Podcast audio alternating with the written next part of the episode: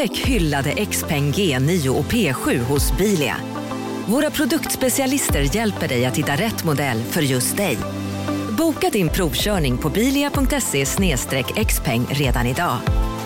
Välkommen till Bilia, din specialist på XPeng. CSRD, ännu en förkortning som väcker känslor hos företagare. Men lugn, våra rådgivare här på PWC har koll på det som din verksamhet berörs av. Från hållbarhetslösningar och nya regelverk till affärsutveckling och ansvarsfulla AI-strategier. Välkommen till PWC. Välkommen till Unionen. Jo, jag undrar hur många semesterdagar jag har som projektanställd och vad gör jag om jag inte får något semestertillägg? Påverkar det inkomstförsäkringen? För jag har blivit varslad, till skillnad från min kollega som ofta kör teknik på möten och dessutom har högre lön trots samma tjänst. Vad gör jag nu? Okej, vi tar det från början. Jobbigt på jobbet. Som medlem i Unionen kan du alltid prata med våra rådgivare.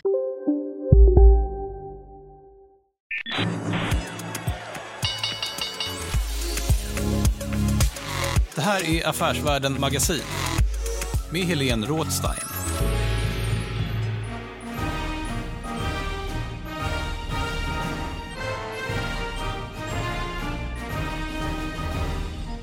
Hej och hjärtligt välkomna till podden Affärsvärlden Magasin där vi varje måndag fördjupar oss i affärsvärldens journalistik. Jag heter Helene Rådstein och jag är reporter på Affärsvärlden. Och jag är här med min kollega Göran Lind, du är redaktionschef på Affärsvärlden. Välkommen hit. Tack. Du, vi ska prata om årets ledare och det är ju ett jättefint pris som Affärsvärlden har haft eh, hur länge som helst. 37 år tror jag det är. Ja, det stämmer. Jag tror det delades ut 1984 första gången. Det är alltså 37 år sedan. Och eh, det är inte bara det äldsta priset i sin kategori utan det mest prestigefyllda. Varför är det så prestigefyllt? Jag skulle säga att det till stor del beror på den uh, starka jury vi har. Bland annat sitter idag såväl vd för uh, Investor som Industrivärden och uh, Ratos vd i juryn. Och det handlar inte bara om vem som sitter i juryn utan det bedrivs också ett väldigt seriöst researcharbete inför utmärkelsen eh, där man verkligen vänder på alla stenar för att se vem som eh, just nu kan betraktas som den bästa ledaren i svenskt näringsliv. Hur har du gjort för att samla ihop för det är väl du som har samlat ihop de här till olika möten för att diskutera sedan i våras. Hur har du fått ihop dem? Ja, dels är det ju svårt att få gemensam tid för alla dessa personer som är extremt upptagna. Och i år då kryddat med att eh, mötena måste ske digitalt. Men vi har lyckats med det. Vi har haft fyra möten tror jag. De första tre var digitala. Det fjärde körde vi faktiskt live, vilket uppskattades av alla väldigt mycket. Alla var väldigt glada över att se varandra på ett sätt som nästan var lite rörande. Ja, vi ska nu lyssna på en intervju här med Karl-Henrik Hallström som är Nordenchef och också chef för Baltikumdelen på Wipro.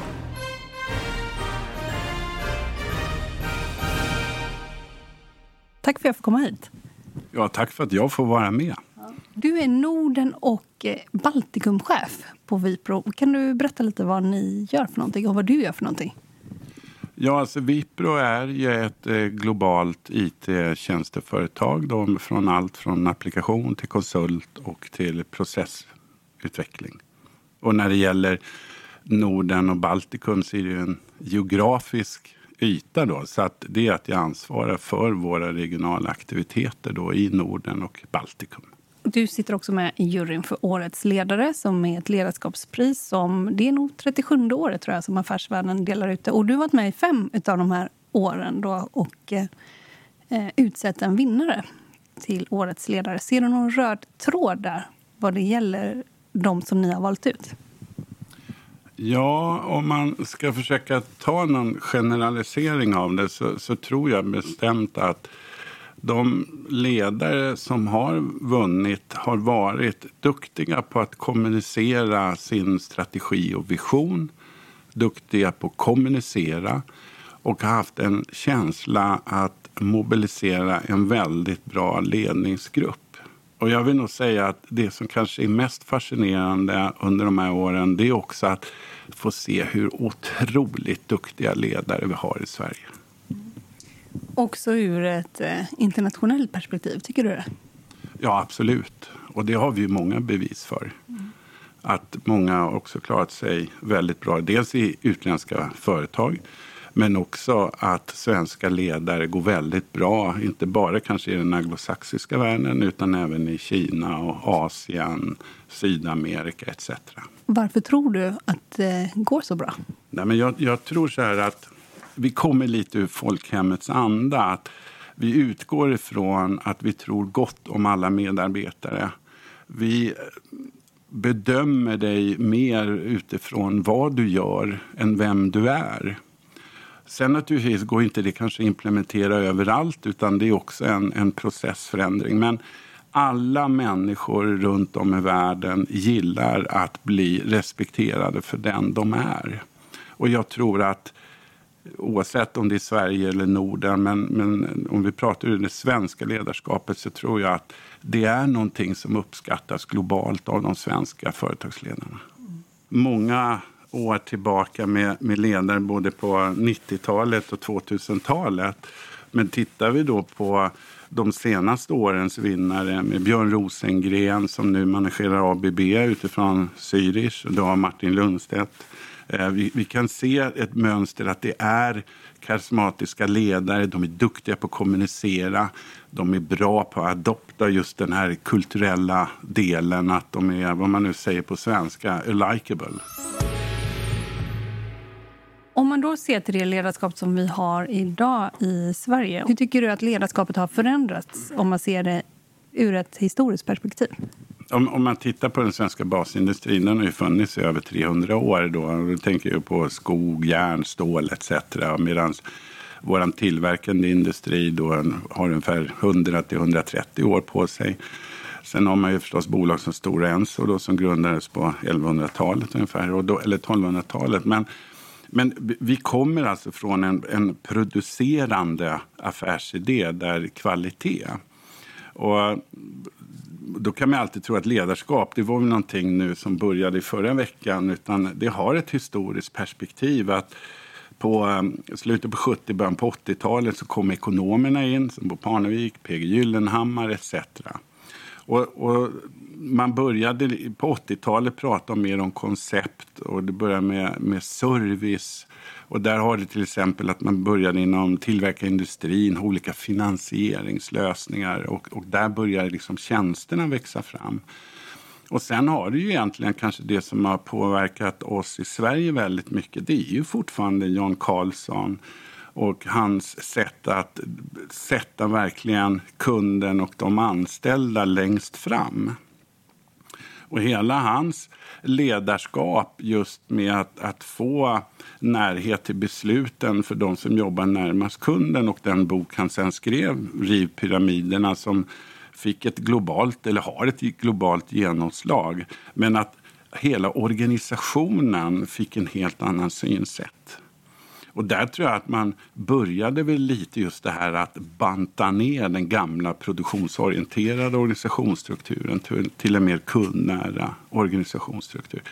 Så min generation som är då från 60-talet, vi växte upp och blev påverkade mycket av den typen av ledarskap. Och sen har det här vuxit och förädlats. Och eh, jag tror att hela det här med att vi delegerar, precis som jag sa i början, att vi tror gott om alla medarbetare. Det är vår utgångspunkt.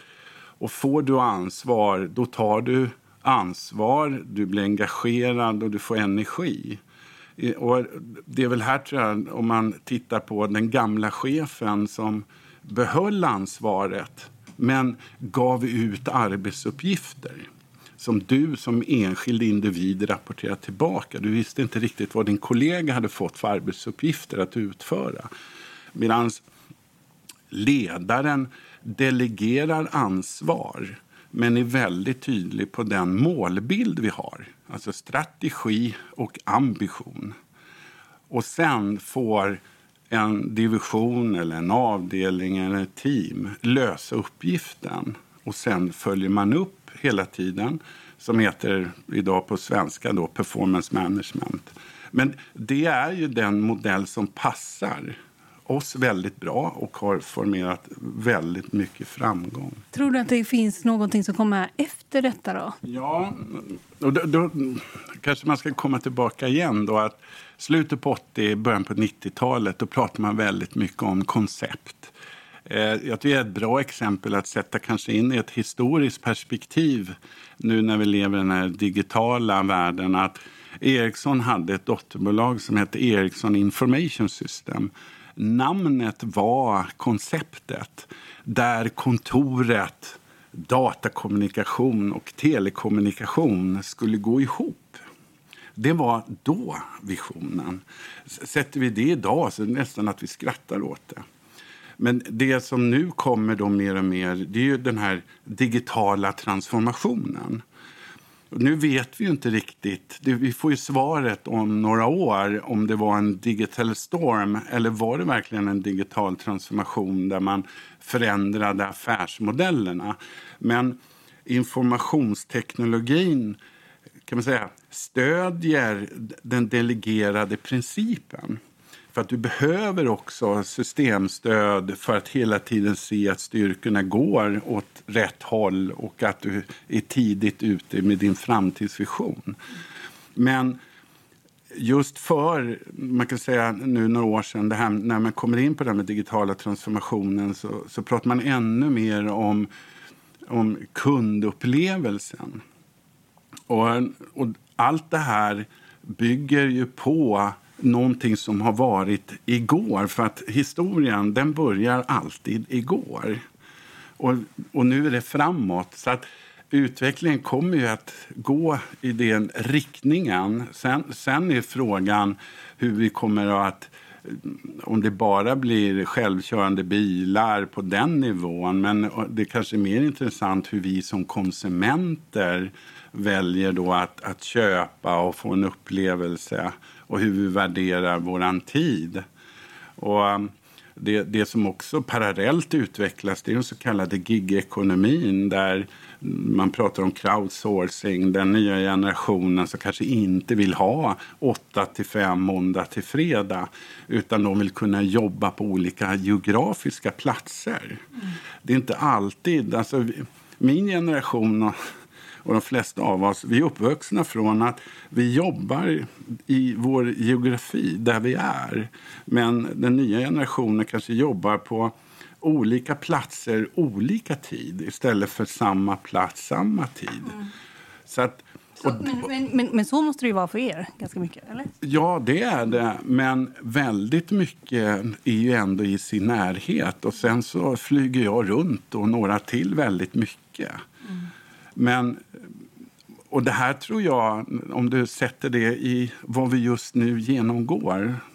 Den pandemin har ju satt ytterligare en dimension på det här. Och där är det väl så att hela den här covid-19 har lärt oss alla att utnyttja de här verktygen som vi har haft i vår laptop men aldrig behövt bry oss om vad det är. Och där hemmet, eller jobbet flyttade hem till hemmet. Det är faktiskt inte hemmet som har flyttat in till jobbet. Och Det här ställer också helt nya förutsättningar. Och det gick oerhört fort. Jag tror också att, att våra medarbetare kommer att ställa högre krav på en utvecklande arbetsmiljö. Mm. Att som, som en annan generation då kanske gick till sitt arbete klockan sju och gick hem klockan fyra. Det var inrutat och allting var bra. Men, men vi går ju mot att det blir mer en upplevelse. Jag arbetar för den arbetsgivaren som ger mig en bra upplevelse och där jag kan likställa mig med deras värderingar.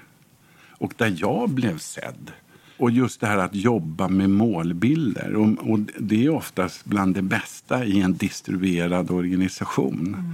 Det är att jobba så, så att när alla vet var vi ska gå någonstans då blir det inte som den här gamla sägelsen att hackar jag en sten eller är jag med och bygger en katedral? Mm. Så att man, man, kan alltid sätta det här, men jag, jag tror att var vi kommer ifrån och vad vi är duktiga på. Och en del pratar om Atlas Copco-modellen. Att man, delegerar väldigt tydligt men man har en gemensam målbild. Mm. Ja, vad har de? 27 divisioner tror jag. Något sånt. Ja. ja. men i slutändan så är det varje division som måste leverera mm. sitt berättigande. Mm. Och, och, vi vet ju det med de flesta av oss individer att får jag ett ansvar så ökar det mitt engagemang och min kreativitet.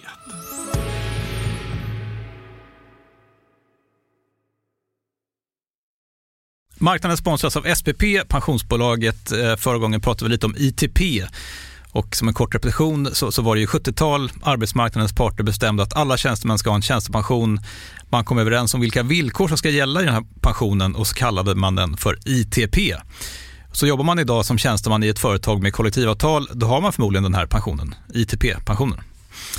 Eh, och det är ju så att man kan påverka eh, den här pensionen, hur den är placerad. Vart femte år så gör nämligen Collectum, som de heter, en enorm upphandling där olika pensionsbolag kan ansöka om att få förvalta eh, de här pensionerna. Och SPP är ett av bolagen som valdes ut i den senaste upphandlingen. Och sen kan du som pensionssparare välja eh, vilket av de här olika pensionsbolagen som, som då ska få ta hand om dina pengar. Och tanken med den här upphandlingen det är ju att liksom kvalitetssäkra de här olika alternativen eh, men också att förhandla fram stora rabatter så att pensionsspararna ska få ja, kunna spara pengar genom att avgifterna eh, som är så viktiga eh, blir eh, lägre. Och vill man välja någonting i ITP-systemet då finns det en relativt ny sajt som heter avtalat.se. Ehm, där kan man gå in och se hur sin ITP-pension är placerad. Jag gjorde det häromdagen faktiskt. Ehm, idén är att hälften av pengarna alltid ligger i något som kallas för traditionell försäkring. Det här gjorde vi ett avsnitt om i podden Kapitalet nyligen eh, som vi kallade världens bästa sparform. kan man lyssna på om man är intresserad. Eh, den andra halvan eh, den kan man också lägga i en traditionell försäkring eller så kan man placera det i något som kallas för fondförsäkring. Eh, SPP som sagt eh, var ju ett av de fåtal bolagen som valdes ut i den senaste upphandlingen och de finns med som alternativ både med en traditionell försäkring och med eh, fonder. Så det var en liten bakgrund till ITP-systemet. Vill man läsa mer om det här eller typ kolla hur ITP-pensionen är placerad, eh, kanske göra förändringar, då går man in på avtalat.se. Eh, men tack säger jag till SPP som vill göra oss människor mer medvetna om hur enormt viktig pensionen är för oss som en framtida lön, men också som en positiv kraft i samhället eh, och förstås för att ni möjliggör eh, den här podden Marknaden. Du lyssnar på Affärsvärlden Magasin med Helene Rådstein. Om vi tar den här pandemin, det är ju många som har fått komma med eh, ganska tuffa besked här till sina anställda. Och det händer ju av och till, från högkonjunktur till lågkonjunktur, kan det även hända i högkonjunktur också, att man gör sig av med folk och så. Vad tycker du en bra ledare gör när man kommer med ett dåligt beslut? Ja, för första så just det här med att vara emotionell. Att sätta sig in i den person eller den eh, avdelningen eller division som får det då är det lättare att förklara budskapet. Och det är det jag tror just det här varför jag tror det är viktigt med värdebaserat ledarskap, vara en bra kommunikatör. Det ställer krav i positiva budskap som i negativa budskap. Att alla förstår. En annan sak som man inte kanske alltid ska förknippa det är att man accepterar. Mm. Men att förstå det är det viktiga. Sen är det ju mer kommunikation. Men jag tror en del har kanske lite för snabbt idag att man, man levererar ett så kallat negativt budskap. Men precis som här så gäller det att följa upp. Så fort du får någonting negativt så börjar dina tankar gå någon annanstans. Och därför är det så viktigt just med det emotionella, värdebaserade ledarskapet ihop med kommunikation att det är flera vändor med den här kommunikationen. Har du själv varit med att leverera ett negativt budskap? Ja, ja det har jag. Och ofta så kanske man kommer ihåg eh, det första fallet eller andra fallet. Men det hela tiden handlar om prioriteringar och, och, det är någonting som kommer hela tiden. Det, det, är en del i att vara ledare, att man behöver det. Och oftast eh, är det att alltid försöka kommunicera en, en tråd. Men det är väldigt sällan någonting kommer från en klar himmel. så har organisationen med de olika ledarna haft en bra transparent kommunikation i organisationen så kommer oftast inte som en total överraskning. Sen kan det finnas vissa strukturgrepp som tas. Men då är det återigen att förklara varför. Nu gör vi så här och det här är nästa steg. Det här är vår plan och ge den målbilden. Mm. Men oftast är min erfarenhet när det blir väldigt abrupt då är det oftast ett tecken på oerfarenhet av personen som kommunicerar. För att eh, kommunikation, det är inte alltid vad jag säger. Det är vad du upplever det jag säger. För jag tycker det finns något när man pratar om det här kommunikativa ledarskapet att det också finns, det gränsar ju någonstans till manipulation. Eller det kan, risken finns ju att det gränsar någonstans till manipulation. För jag ska liksom tänka ut hur du tar emot det som jag säger. Det är ju också social... Det är ju människans sociala fundamenta på något sätt att man ska helst fungera så. Men eh, det finns ju något där som liksom riskerar att bli manipulativt. Va, va, vad tänker du kring det? Ja, det är möjligt ett enskilt fall, men över tiden då, då, då faller hela ledarskapet. Mm. Alltså, eh, det här, du, du, kan nog se en hel del fantastiska, framförallt amerikanska videos på Youtube idag. Men det här är liksom över tiden och, och manipulera, det, den ledaren blir inte långvarig.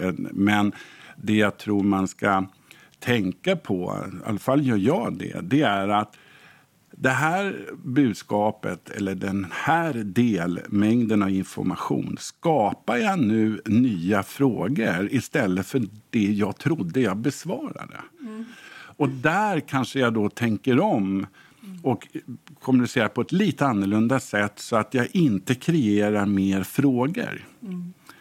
Men att ha ett manipulativt, det, då, då förlorar man hela fundamentet. Det tror jag. Jo, jo, men jag menar egentligen så här, för om man pratar om till exempel coachande ledarskapet så, så går det ju ändå ut på liksom att om jag kan coacha dig rätt så kommer du att prestera bättre, vilket liksom gynnar organisationen. Ju.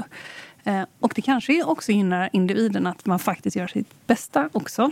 Eh, så det behöver inte bara vara dåligt. Men jag tänker liksom att det går ju ändå ut på... Alltså man ska inte komma ifrån att det går ut på att tjäna pengar. Det går ut på liksom vin. Alltså vi lever ju ändå i en kapitalistisk värld. Sådär. Och finns det någonting där som man kan tänka... Eh, liksom, herregud, jag behöver inget coachande ledarskap. Jag vill ha liksom intressanta arbetsuppgifter. Jag behöver ingen lullull. Jag vill liksom göra roliga saker. Ehm, det är det jag menar med det, liksom, att det finns risk att det blir något manipulativt med det där. Är jag ute och cyklar, tycker du?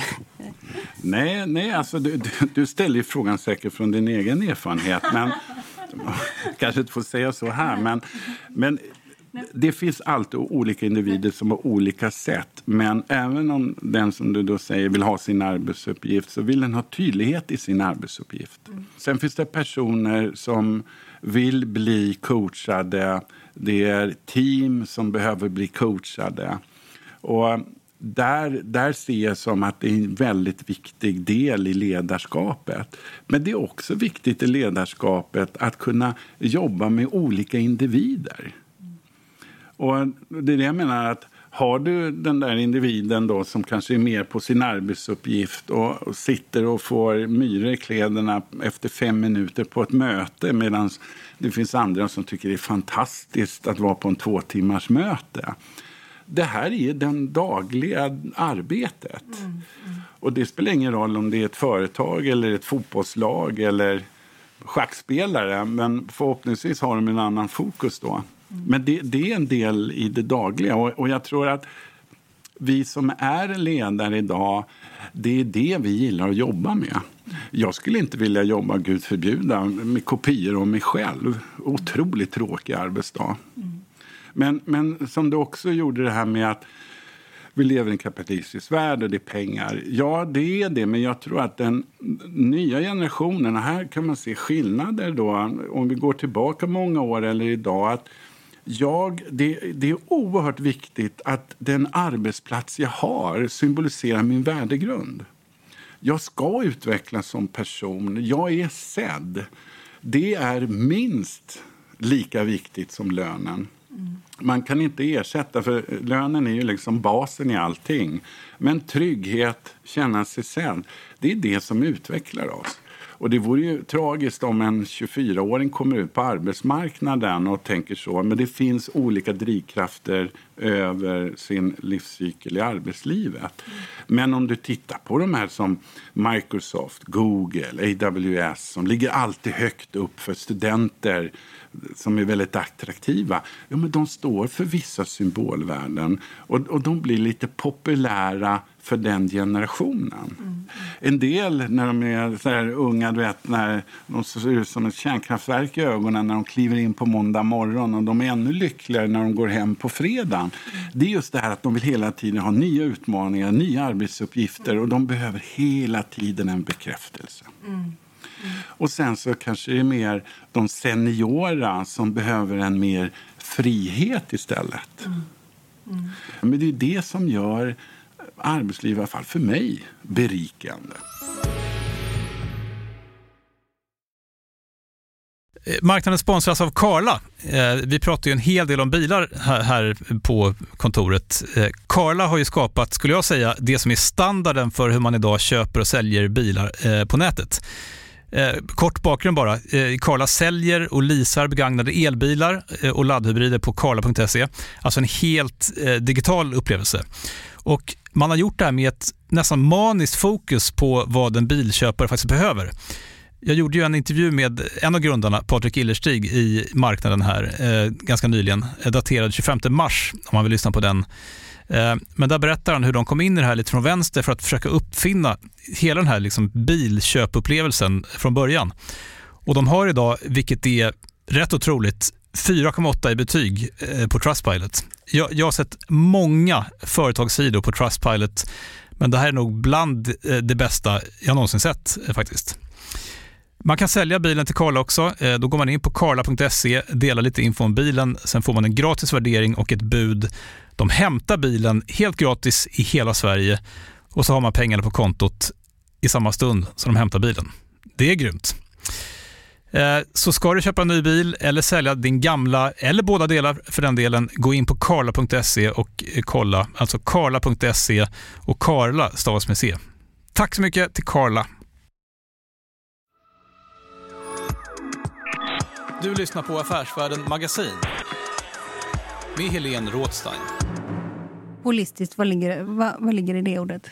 Jo, igen, ja, om vi backar då till 90-talet så, så, när Toyota lanserade Lean-konceptet så kan man säga att västvärlden var väl ganska silos i sin produktion som det här kvalitetssystemet. Och eh, när Scania och andra implementerade Lean, då kanske mer som en, en pilot, så upptäckte man att vårt sätt att arbeta var ju fel. Vi hade fel kultur och vi behövde förändra vår kultur.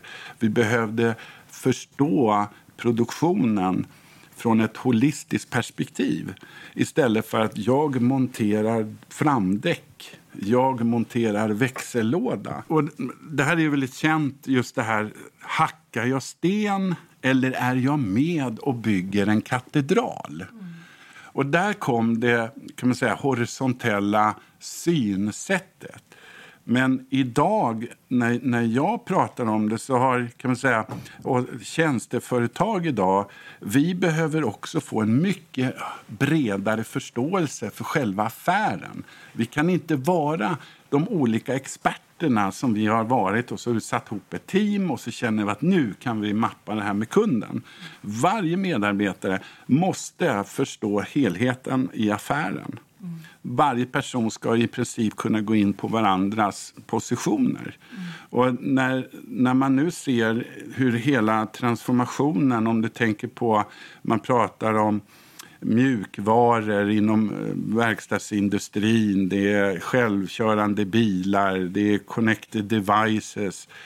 Då, I det holistiska ledarskapet så går det inte längre att moderbolaget väljer ett fåtal globala partners utan i den här nya delen som är baserad på kunskapsföretag, och det kan vara en plattform, det kan vara en mjukvara. De finns inte överallt. Så då kanske jag måste titta på i en region eller i ett land där jag hittar mina partners för affären.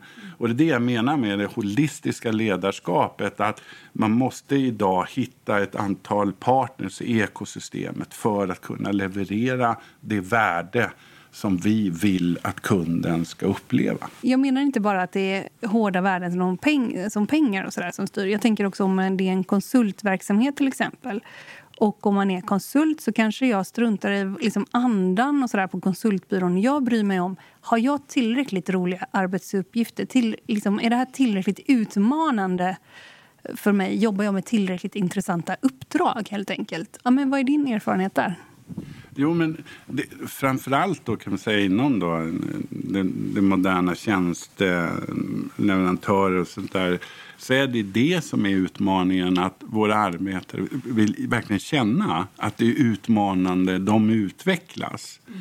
Och, och det här är det som hela tiden ställer en fråga. Och jag, jag kommer ihåg för några år sedan här, så vi, vi hade ju då haft chansen att rekrytera in helt nytt på många olika positioner när regionen skapades. Men vår HR-chef kom in till mig och var upprörd för att en, två av våra större konkurrenter hade tagit några nyckelpersoner. Detta var då när ni startade upp er Nordenverksamhet 2013? Ja. ja. Och då hade vi en frihet där att kunna handplocka en hel del individer. Och han kommer in till mig upprörd över det här och då, då säger jag till honom att det här är det bästa beviset på att vi har lyckats. För det motsatta, och då sa jag ungefär, tänk dig själv att ha inbrott hemma och tjuven tar ingenting. Då tänker du, har vi så dålig smak? Utan vi måste ju fokusera nu på att behålla vår personal. Men att beviset det kommer till att då har vi vunnit så mycket affärer att våra konkurrenter har blivit otroligt upprörda och måste göra något. Och då börjar de att handplocka väldigt många av våra eh, anställda här. Men då gäller det just att fokusera nu på att behåll personal. De ska stanna här. De ska inte känna att de går till någon annan för att få en bättre upplevelse eller utmaning. Utan det ska vi jobbas här. Och då kommer alltså upp en annan prioritering från vår sida. Mm. Så att det, det är väl, tycker jag, liksom en, en bra beskrivning vad, vad som händer och sker. Och det är en naturlig del av agendan, skulle jag säga. Om vi då ser till det mer hierarkiska ledarskapet kan man tänka sig att det faktiskt fortfarande idag kan behövas på vissa arbetsplatser och vissa liksom, typer av produktion? helt enkelt? Alltså om man tar det militära till exempel. Men kan man tänka att, eh... Ja, det, det, militära bygger på att förflytta väldigt många människor på en väldigt eh, få ord. Då. Men ja, det är samma sak där. att Skulle du eh, intervjua en, en, eh, general eller en senior befäl så skulle de ge ungefär den historiebeskrivning jag har gjort. Att dagens soldater de måste förstå varför gör jag det här? Det, det gick förr med en ordergivning men de har precis samma utmaning som, som jag har berättat om med hur jag attraherar medarbetarna och beroende på deras intressen och åldersstruktur, vad de vill få ut av det. Men ibland måste man kliva fram. Så att ledarskapet och det moderna ledarskapet med delegering betyder ju inte att du inte behöver peka med hela handen. Och det är det här med situationsanpassat ledarskap. Mm. Det måste man som ledare kunna.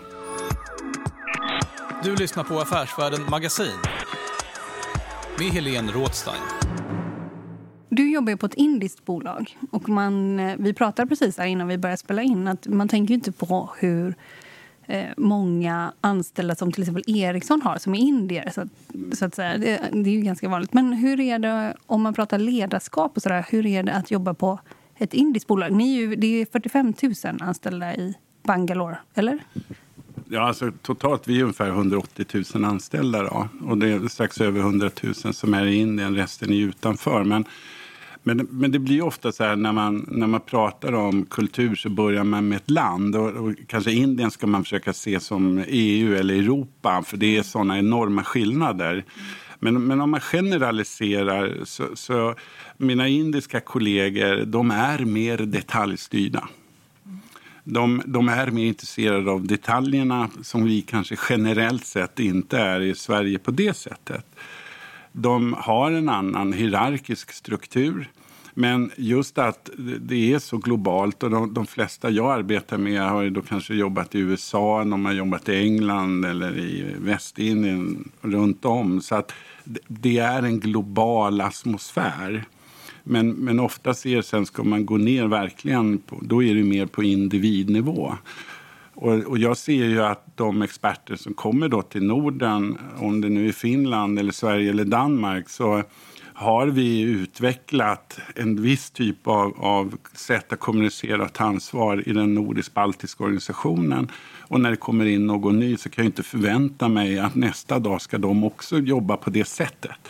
Då får man jobba över tiden och sen brukar alla gilla det sättet som vi arbetar. Och det, vi är ganska informella och vi gillar att delegera ner ansvar och låta den processen utvecklas. Men då måste man ha en väldigt tydlig målbild. Så att jag känner väl, kanske i början tänkte jag mer på det. Nu tänker jag inte så, utan nu är det liksom ett team som, där det sker förändringar och då får man jobba igenom. Men det är en skillnad i utgångspunkten. Mm. Kommer du ihåg din första chef?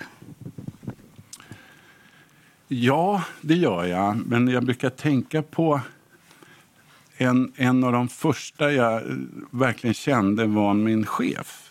Och, och, det kan jag nog nämna, för det är ju positivt. Han heter Lars Fossum och var eh, pappan till Alfaskopterminalen. Det, det var inom Datasaab och Ericsson. Det var en av mina första chefer där jag kände att här lär jag mig någonting varje gång. Kunde han vara med och Eh, få dig själv att tänka och bli självgående på något sätt? Ja, det, det gjorde han. Och han var också väldigt bra på att kommunicera, både tyckte jag framför allt kanske i skrift. Och, och jag lärde mig just det här att kanske göra en kort mening men att försöka vara väldigt tydlig där. Och, så jag gjorde nog honom till min mentor innan han förstod att han var min mentor.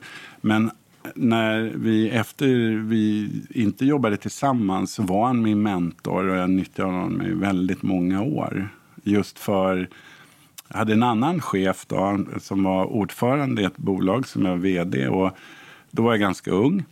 Och då sa han så här att ja, du kanske tycker vi som är 68 är väldigt gamla, men du ska tänka på en sak. När du känner att du har ett unikt problem det kanske jag hade när jag var chef för Tumba bruk på 60-talet. Och då kan du och jag diskutera hur jag gjorde angreppssättet den gången.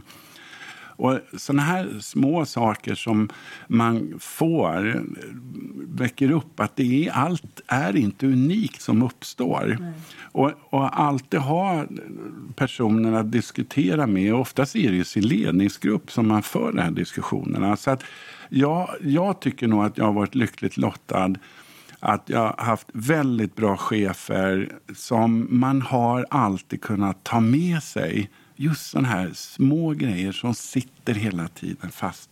Men jag kan också säga att den absolut bästa chefen det var den första chefen jag hade när jag kom till Vipro. Han var indisk och han bor i Bangalore. Så att han, han är nog den absolut bästa jag haft. Varför? Ibland är det så här att det bara klickar. Både liksom mentalt, fysiskt, sätt att kommunicera. Han var väldigt lugn, saklig. Ehm, jag kände liksom att när jag kom in då på Vipro, som är en, naturligtvis en annan kultur, men skulle då bygga upp regionen och, och sätta för, för strukturen. Ja, det var det. Att vi skulle sätta en struktur, för det fanns ingen region då. Och um, han och jag vi jobbade fantastiskt bra ihop och uh, på sättet vi kommunicerade och stämde av. Och jag, jag, lärde mig väldigt mycket av honom just i det här. Och han var, hade en global roll. Eh, men, men det säger jag fortfarande att den, den bästa chef jag haft, han var indisk, eller är indisk. Det är ju snart dags för prisutdelning av Årets ledare. Jag tänker den juryn som eh, du är med i. Det är ju en ganska namncurry... Eh, namncurry. Tänker på Indien nu, eller? Jag har också varit i Bangalore. Ja.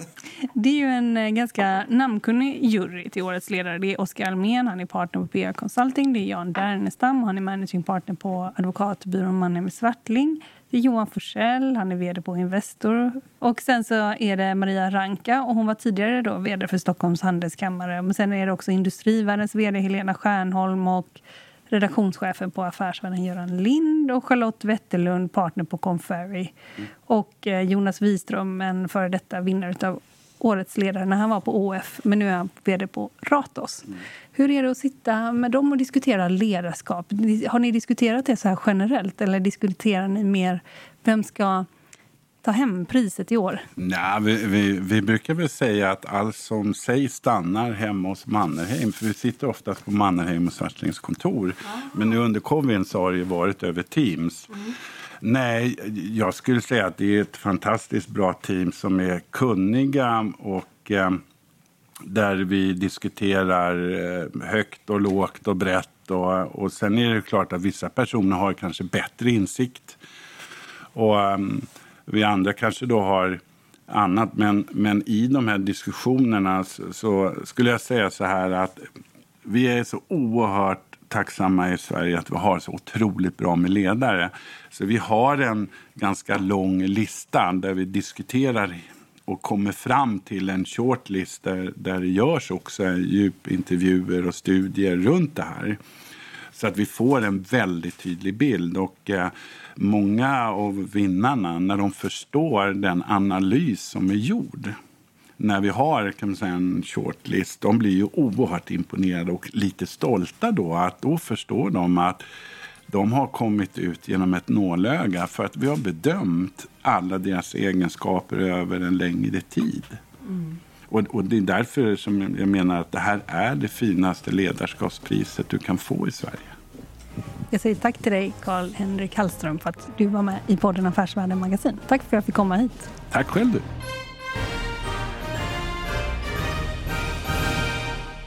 Du har lyssnat på podden Affärsvärlden Magasin med mig, Helene Rothstein. Vi har pratat om årets ledare och vem det blir, det vet faktiskt jag. Och jag har intervjuat personen i fråga, men det kommer senare. Mer fördjupande reportage, artiklar, analyser hittar du på affärsvärlden.se. Och där kan man ju förstås också beställa en prenumeration om man vill. Det går bra att kontakta mig om man har förslag på vem man ska intervjua eller om man har något annat man vill prata lite om eller mejla om. Min mejladress är helene.rothstein.affärsvännen.se helene.rothstein affärsvännen.se Och den här podden, den är tillbaka om en vecka. Håll ut!